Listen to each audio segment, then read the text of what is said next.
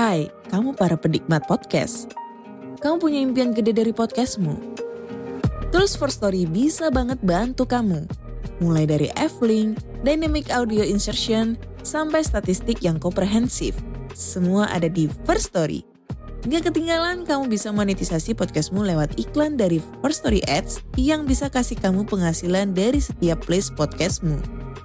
Yuk gabung sekarang dengan klik di firststory.me. Sekali lagi, klik di firststory.me. Mari kita bawa mimpi podcastingmu menjadi kenyataan.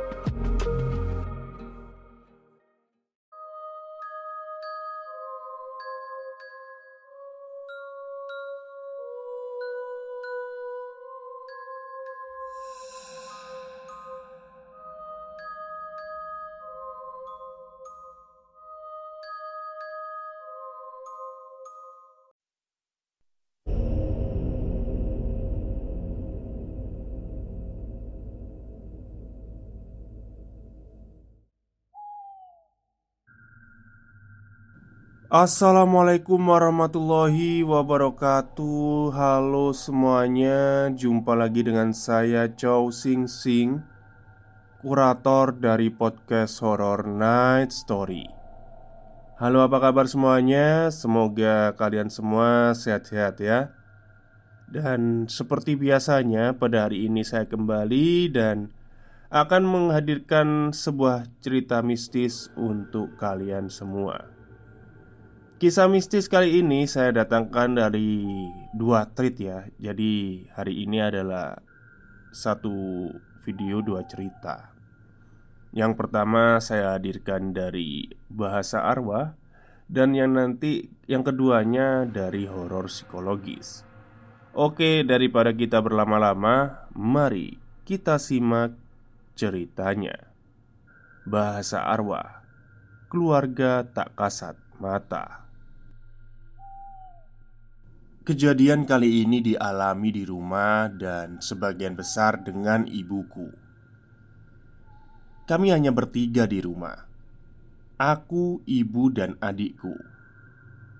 Saat itu bapak sedang pergi keluar karena ada urusan. Waktu menunjukkan pukul sekitar setengah satu.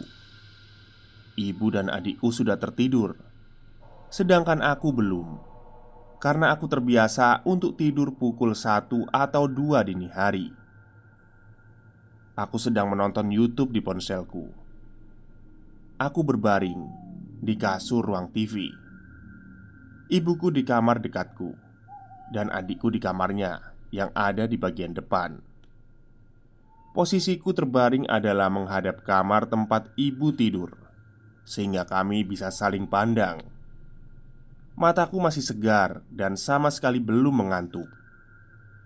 Suasana di rumahku sepi sekali saat itu. Hanya ada suara dari ponselku dan sesekali anjingku yang menggonggong jika ada orang yang lewat. Tiba-tiba saja aku mendengar suara pengering dari mesin cuci berbunyi dengan sangat kencang, seperti ada orang yang sedang mengeringkan pakaian. Tapi mana mungkin? Bahkan ibuku yang sedang tertidur pula sampai terbangun. Kami berdua saling menatap Menyadari bahwa hal itu tidak mungkin bisa terjadi. Karena untuk menyalakan mesin cuci harus menghidupkan saklar di bagian atas. Kabelnya disambungkan ke sana untuk mempermudah agar tidak repot memasang dan mencabut kabel dari stop kontak kami berdua heran dan saling diam. Setelah lebih dari tiga menit, pengiring itu berputar sendiri. Kami berdua memutuskan untuk mengeceknya. Perasaanku tak karuan. Aku takut sekali saat itu. Ibuku yang biasanya paling penakut jika berhubungan dengan hal itu, tiba-tiba memberanikan diri untuk mengeceknya. Karena tak kunjung berhenti juga kita berjalan ke arah belakang. Saat kami tiba di ruang makan, mesinnya berhenti, seperti telah usai digunakan. Kami lanjutkan ke belakang, dan ya, tentu saja tidak ada siapa pun di sana. saklar masih dalam posisi mati, dan putaran untuk mengatur berapa lama pengeringnya pun di posisi nol. Mesin cuci itu tenang sekali, bagai tak disentuh apa pun.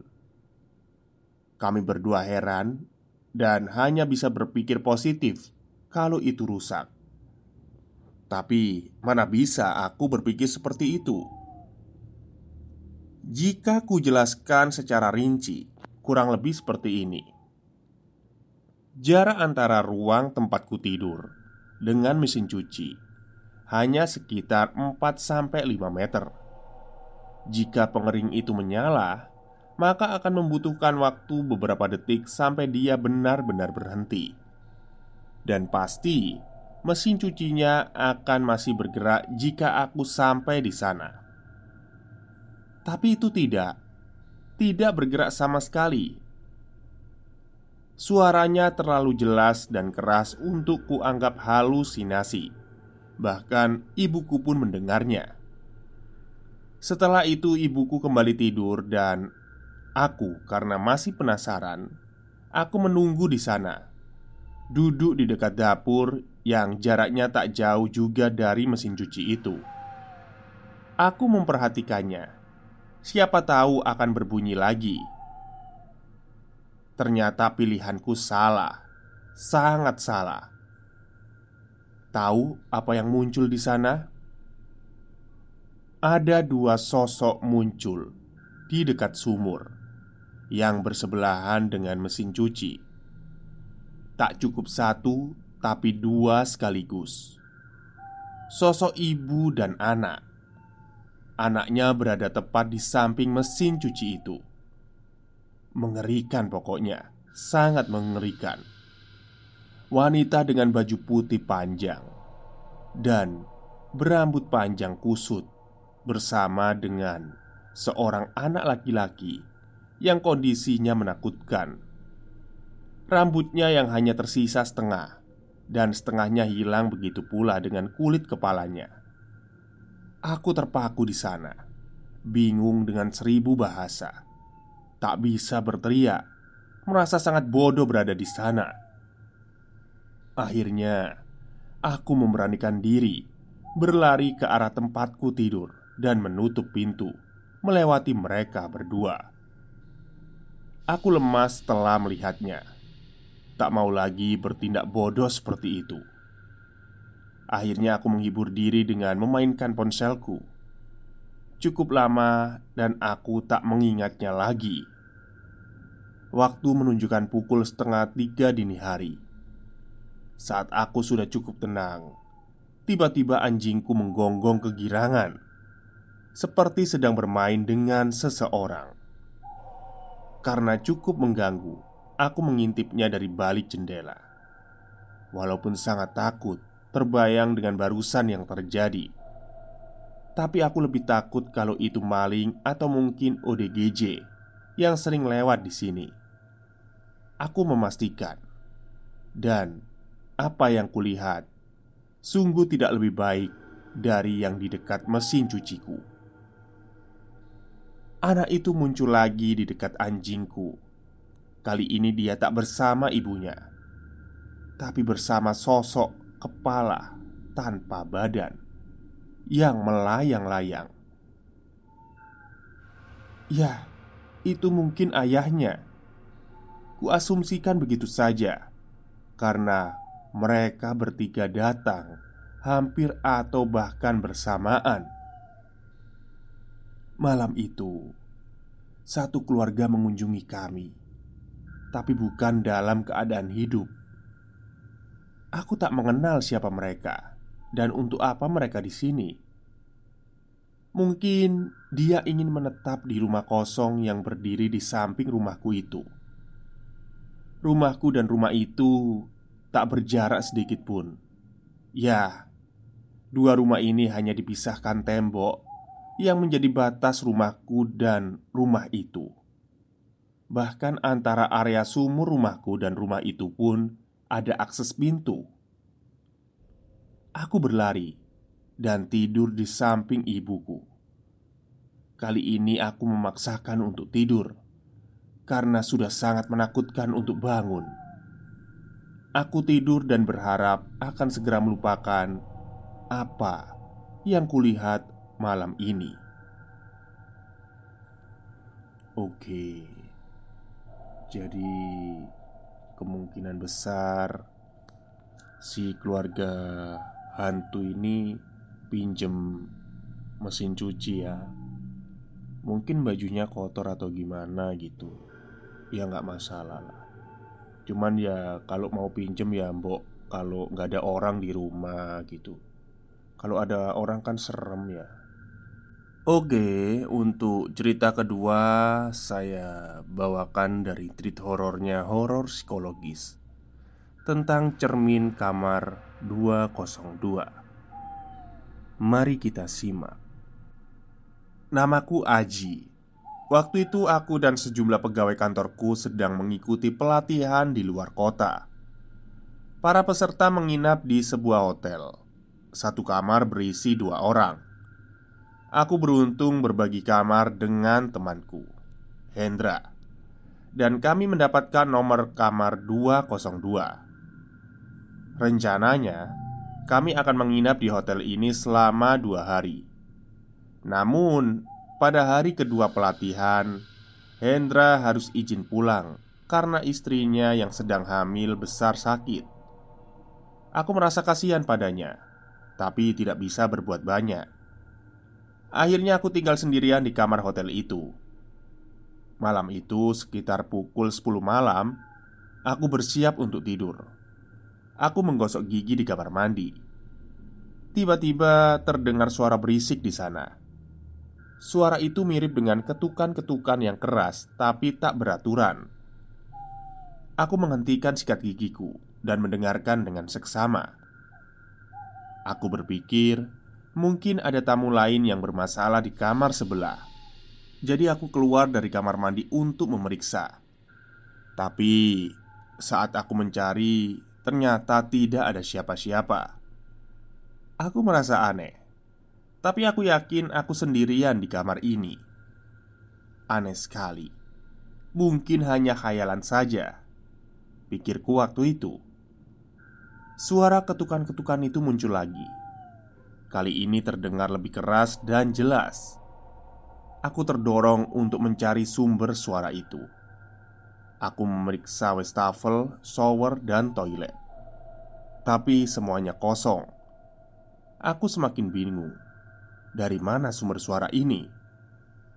Aku mencoba membuka lemari kamar mandi Tapi tidak ada siapa-siapa di dalamnya Dan tidak ada apa-apa Saat aku berbalik untuk keluar Suara itu muncul lagi Kali ini terdengar seperti bicara dengan suara yang menakutkan tapi lembut. Aji,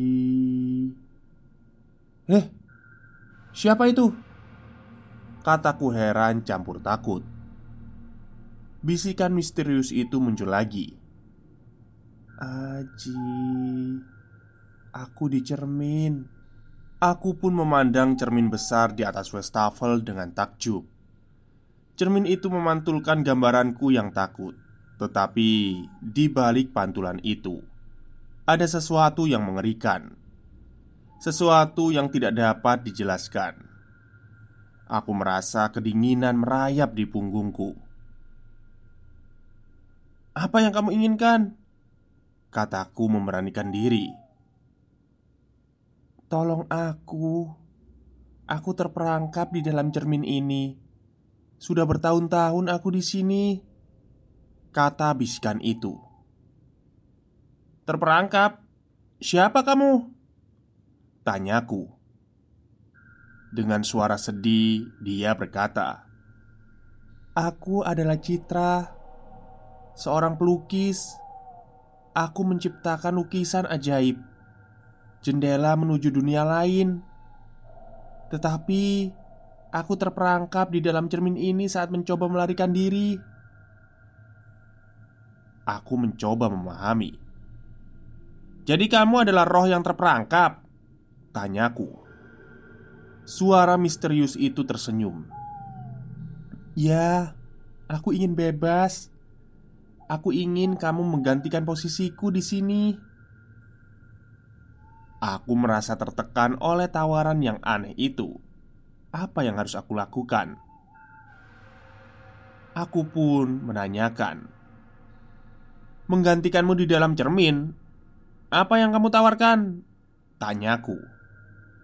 Suara misterius itu menjawab sambil berusaha memikatku.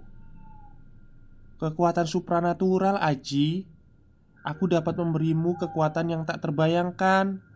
Kamu akan memiliki keabadian dan kekuatan magis dan dunia yang tiada batas.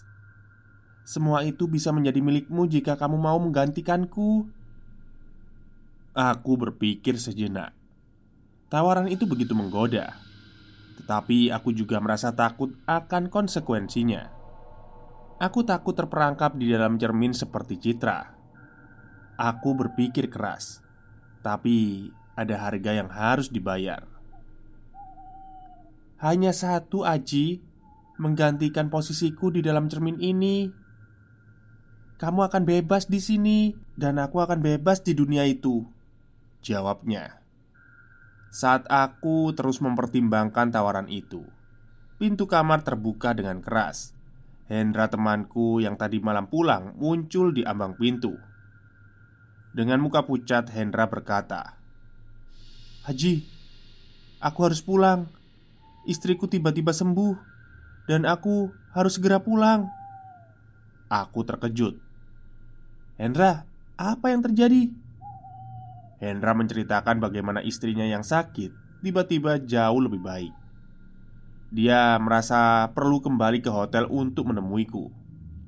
Aku merasa lega tetapi juga merasa bersalah karena mempertimbangkan tawaran yang misterius tadi.